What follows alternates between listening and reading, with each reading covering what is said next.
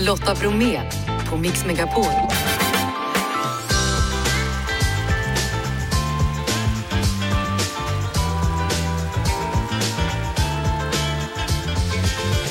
Hallå där och varmt välkommen in till oss denna tisdag. Förutom den perfekta mixen vad gäller musik så innehåller de närmsta timmarna detta tisdagsteknik. Ni hör Martin Appel idag om hur du kan få hjälp att hitta billigare mat.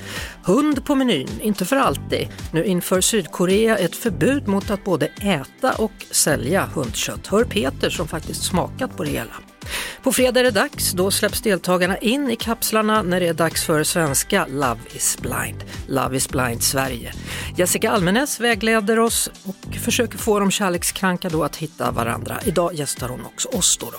Är vi redo? Jeff? Jajamän. Janne? Aldrig varit mer redo. Ja men vad bra, då kör vi hörni. Välkommen till Mix Megapol, Jessica Almenäs, programledare. Tusen tack. Vilken resa du har gjort ändå, från hästar till människor i någon slags poddar, eller vad ska vi kalla det för?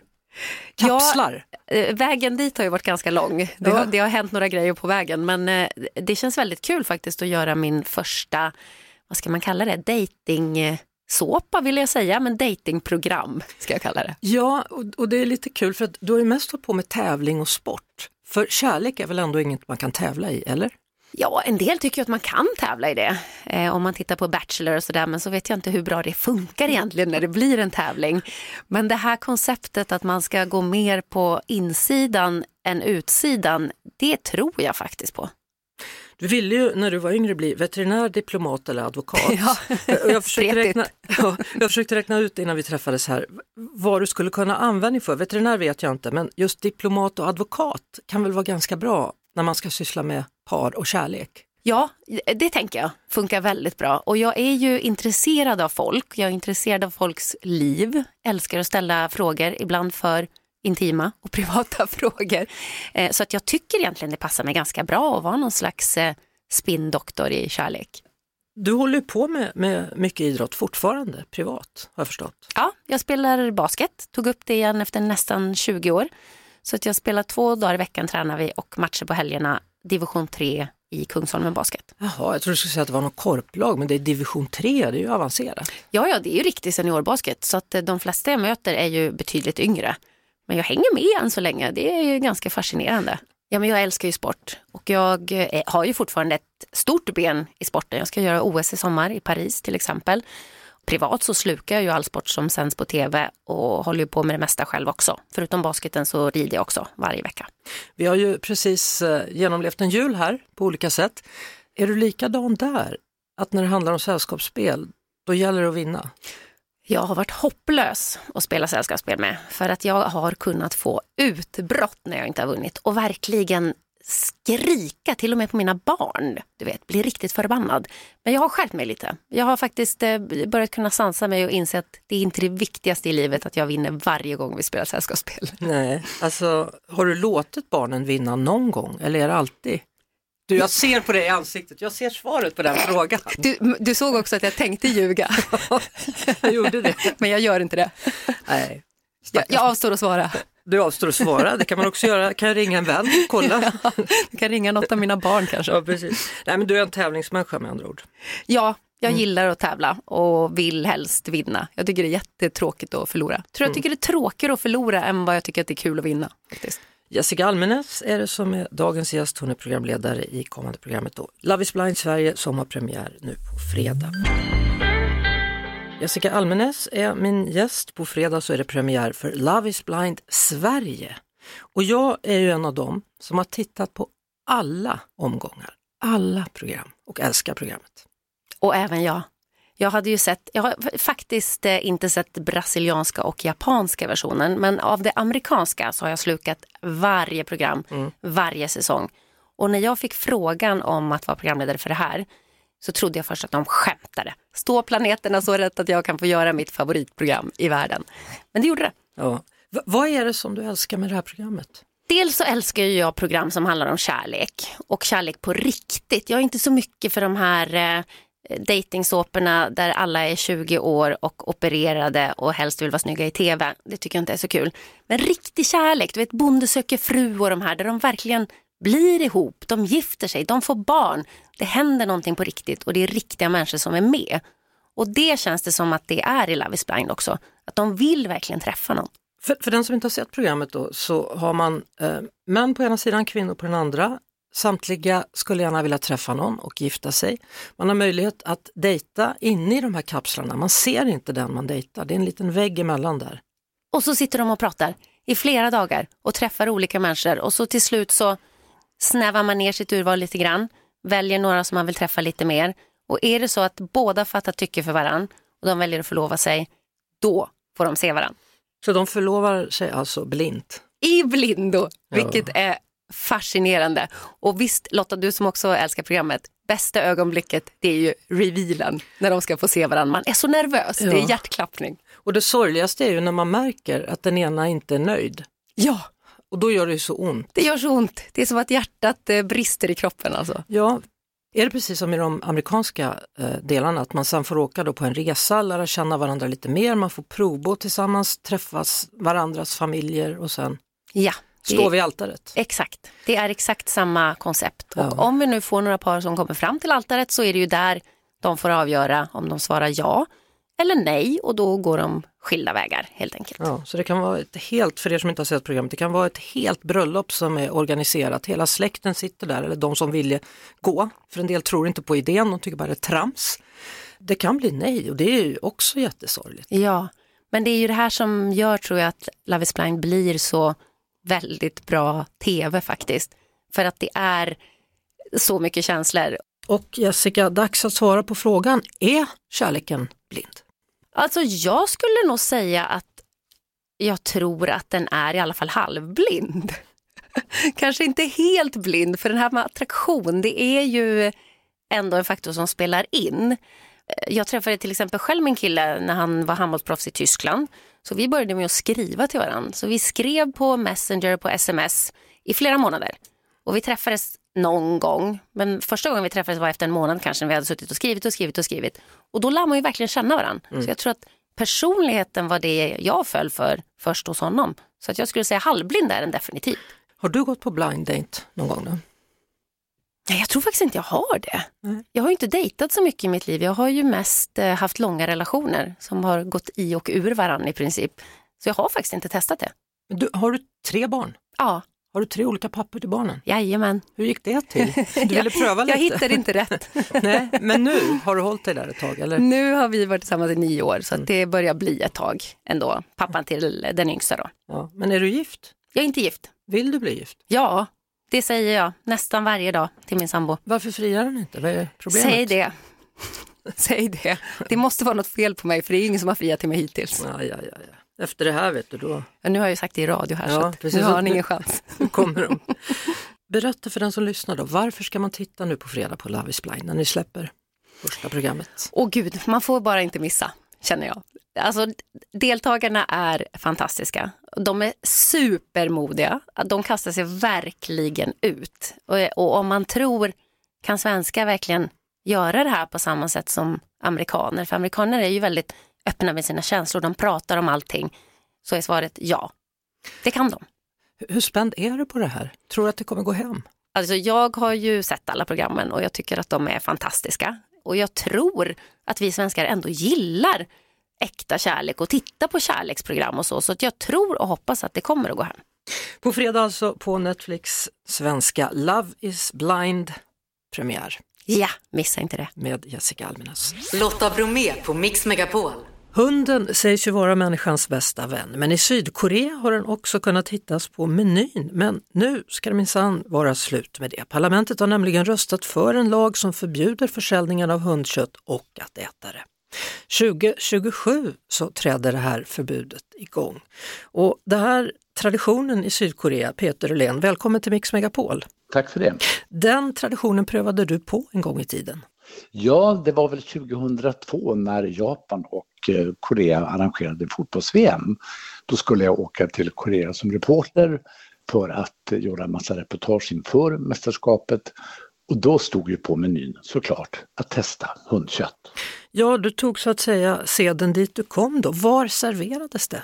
Ja, det fanns en massa olika restauranger. Lite svårt dock att veta exakt vilken restaurang såklart, för alla skyltar var ju på koreanska och det var inte så lätt att förstå. Men jag lyckades efter mycket om och men få tips om via hotellet och tog en taxi långt bort i stan och kom till en jättemysig liten restaurang med kanske 15-20 bord fullpackad med koreaner eh, och en fullständigt obegriplig meny. Men jag visste ju att det var hundkött som serverades så att jag tog mod till mig och så pekade jag på en rad och satte mig ner och väntade och sen kom tallriken in. Men det var hund som hund, du kunde liksom inte välja, jag vill ha en pudel, jag vill ha en schäfer. Nej, men jag tror och jag läste på senare att det var ofta hundar av typ beagle som man ansåg hade extra bra kött. Så jag skulle tro att det var en beagle jag åt. Alla undrar ju då, hur smakade det? Ja, det var det som var så märkligt för att upplevelsen där på restaurangen, det var ju väldigt, det var musik och det var eh, lampor och rökelser och smakade lite som en, ja, kanske segare variant av sjömansbiff. Plus att det var kryddat med en väldigt vanlig koreansk krydda som jag faktiskt ska säga som jag fortfarande idag inte klarar av att äta. Men där och då så, ja. Nu har ju då opinionen vänt här 13 år senare. 96 procent säger att de aldrig kan tänka sig att äta hundkött framöver. Och lika bra det då, för nu blir det 230 000 kronor i böter alternativt tre års fängelse om man nu äter eller säljer hundkött. Frågan är då, Peter, hur mådde du efteråt? Jo, men jag var rätt nöjd. Det var ju ett reportage och vi var inte så många reportrar då som hade ätit hundkött. Så att jag satte mig i taxin och skulle åka tillbaka ungefär en timme till hotellet. Mätt, rätt nöjd. Men så plötsligt så kände jag en, en, en liten köttslamsa uppe vid en tand. Som jag i baksätet försökte få loss med tungan och det gick inte. Jag började försöka med fingrarna men det gick inte heller. Och då satte det igång. Mm. Mm. Och jag började skönjas och skönjas och skönjas och kom aldrig fram till hotellet. Och till slut så, efter en halvtimmes vinglig bilfärd där, rusar in på hotellet, trycker på hissknappen, upp 20 våningar, kastar mig till toaletten och där kom hela hunden ut. Alltså avslutningsvis då, Peter, du har ju själv hund. Ja. Hur tänker du kring allt detta idag? Om du lovar att inte berätta för någon när de beter sig riktigt illa, Lotta, då brukar jag faktiskt säga passa er så ni inte hamnar på tallriken. Det blev ju ganska uppmärksammat det här reportaget. Du fick skäll också från Svenska Kennelklubben. Ja, det var Hans Rosenberg som var dåvarande informationssekreteraren som tyckte att vi var osmakliga. Och så här i efterhand kan jag faktiskt nästan hålla med honom. Men det var dock fotbolls-VM i Japan och Korea så att man får väl ta seden dit man kommer. Tack så mycket för att du var med i Mix Megapol, Peter Öhlén. Tekniktipset Jul och nyår är över och för många så gapar ju plånboken väldigt tom just nu. Men det finns förstås smarta sätt att spara pengar även i januari. Vår teknikexpert, PC för allas konsumentredaktör Martin Appel ska tipsa om några appar som kan hjälpa oss att köpa billigare mat. Gott nytt år Martin! Tack detsamma! Vad finns det för appar? Den bästa app tycker jag är en som heter Matpriskollen. Det är en app som hjälper dig att hitta extrapriser. Du skriver helt enkelt in vad du är intresserad av att köpa och sen får du se var i din närhet finns den till det billigaste priset. Eller också gör du precis tvärtom. Du kollar i mina butiker här i närheten av där jag bor, vad finns det för extrapriser just nu? Finns det andra bra appar än just Matpriskollen? Det finns flera appar som skannar in butikernas, de här reklambladen som brukar delas ut i brevlådorna. Så om man vill så kan man faktiskt sätta upp en jag vill inte ha någon reklamskylt på brevlådan och istället läsa reklambladen i apparna. E-reklamblad och Tiendeo är två populära appar för sådana här saker. Frågan är då, kan man verkligen spara pengar genom sånt här? Jo, men det har ju blivit lite så att matpriserna har ju gått upp i höjden det senaste året. Men för att ändå ha kvar kunder så väljer ju butikerna att ha ganska aggressiva kampanjer med extrapriser. Och om man hittar dem, då kan man faktiskt göra klipp. Men det viktiga då, det är ju att man ändå köper det man behöver så att man inte köper för mycket och att allting blir matsvinn istället. För då har det faktiskt blivit en dålig affär. Nästa vecka ska vi fortsätta prata om hur man kan spara pengar och då ska det handla om hur vi håller koll på våra elräkningar. Ses då! Det gör vi. Lotta Bromé och den perfekta mixen på Mix Megapol.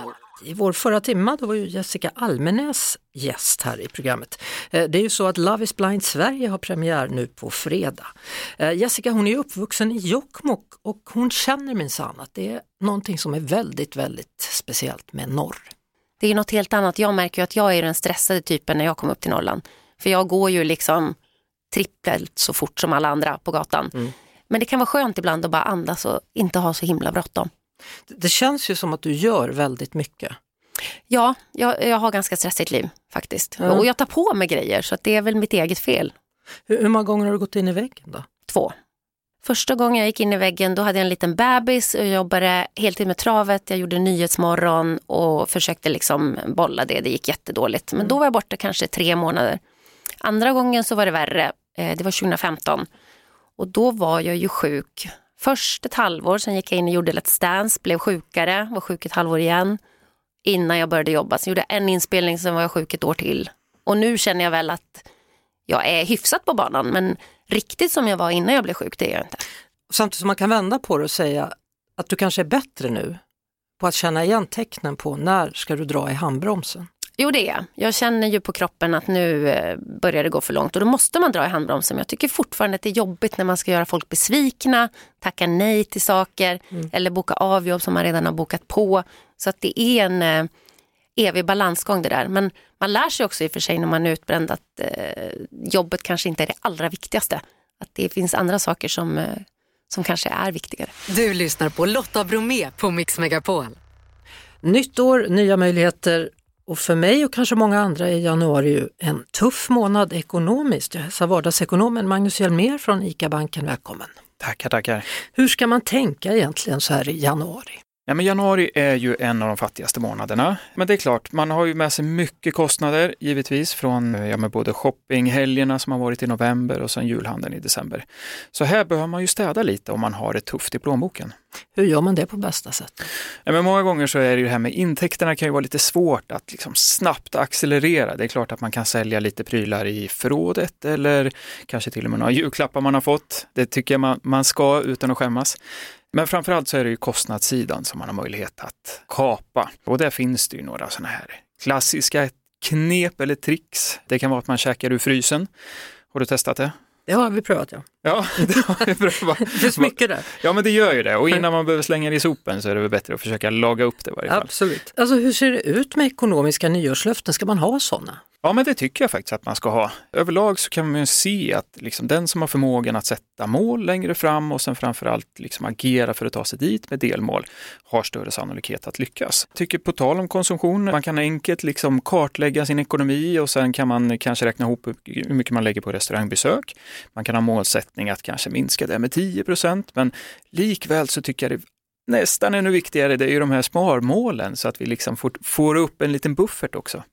Vad kan vi vänta oss av ekonomiåret 2024? Ja, men 2024 eh, ser jag ju fram emot. Vi har haft nu liksom svettiga år här i ryggen, pratar ju om räntesänkningar och bara häromdagen så pratar man ju faktiskt om att de ska komma ännu tidigare än, än det som, som eh, prognoserna pekar på tidigare. Så mm. det kommer ju lätta för plånboken för många. Sen får man väl bara bita i det sura äpplet vad gäller elen i och med att det har varit så väldigt kallt här. Elen är ju vad elen är, tyvärr. Eh, det är klart att man kan göra massa saker för att påverka sin konsumtion. Man kan också välja elavtal på ett smart sätt. Den får vi nog faktiskt leva med. Jag önskar dig, liksom övriga lyssnare då, ett riktigt gott 2024, eller fortsättning snarare. Verkligen. Mm. Magnus Jomér alltså från ICA-banken, vår gäst. Janne, Lotta och Jeanette säger tack och hej och tack för idag och vår producent Jeff Neumann han säger lika så tack för idag, vi hörs imorgon. Ett poddtips från Podplay. I fallen jag aldrig glömmer djupdyker Hasse Aro i arbetet bakom några av Sveriges mest uppseendeväckande brottsutredningar går vi in med hemlig telefonavlyssning och, och då upplever vi att vi får en total förändring av hans beteende. Vad är det som händer nu? Vem är det som läcker? Och så säger han att jag är kriminell, jag har varit kriminell i hela mitt liv men att mörda ett barn, där går min gräns. Nya säsongen av Fallen jag aldrig glömmer på Podplay.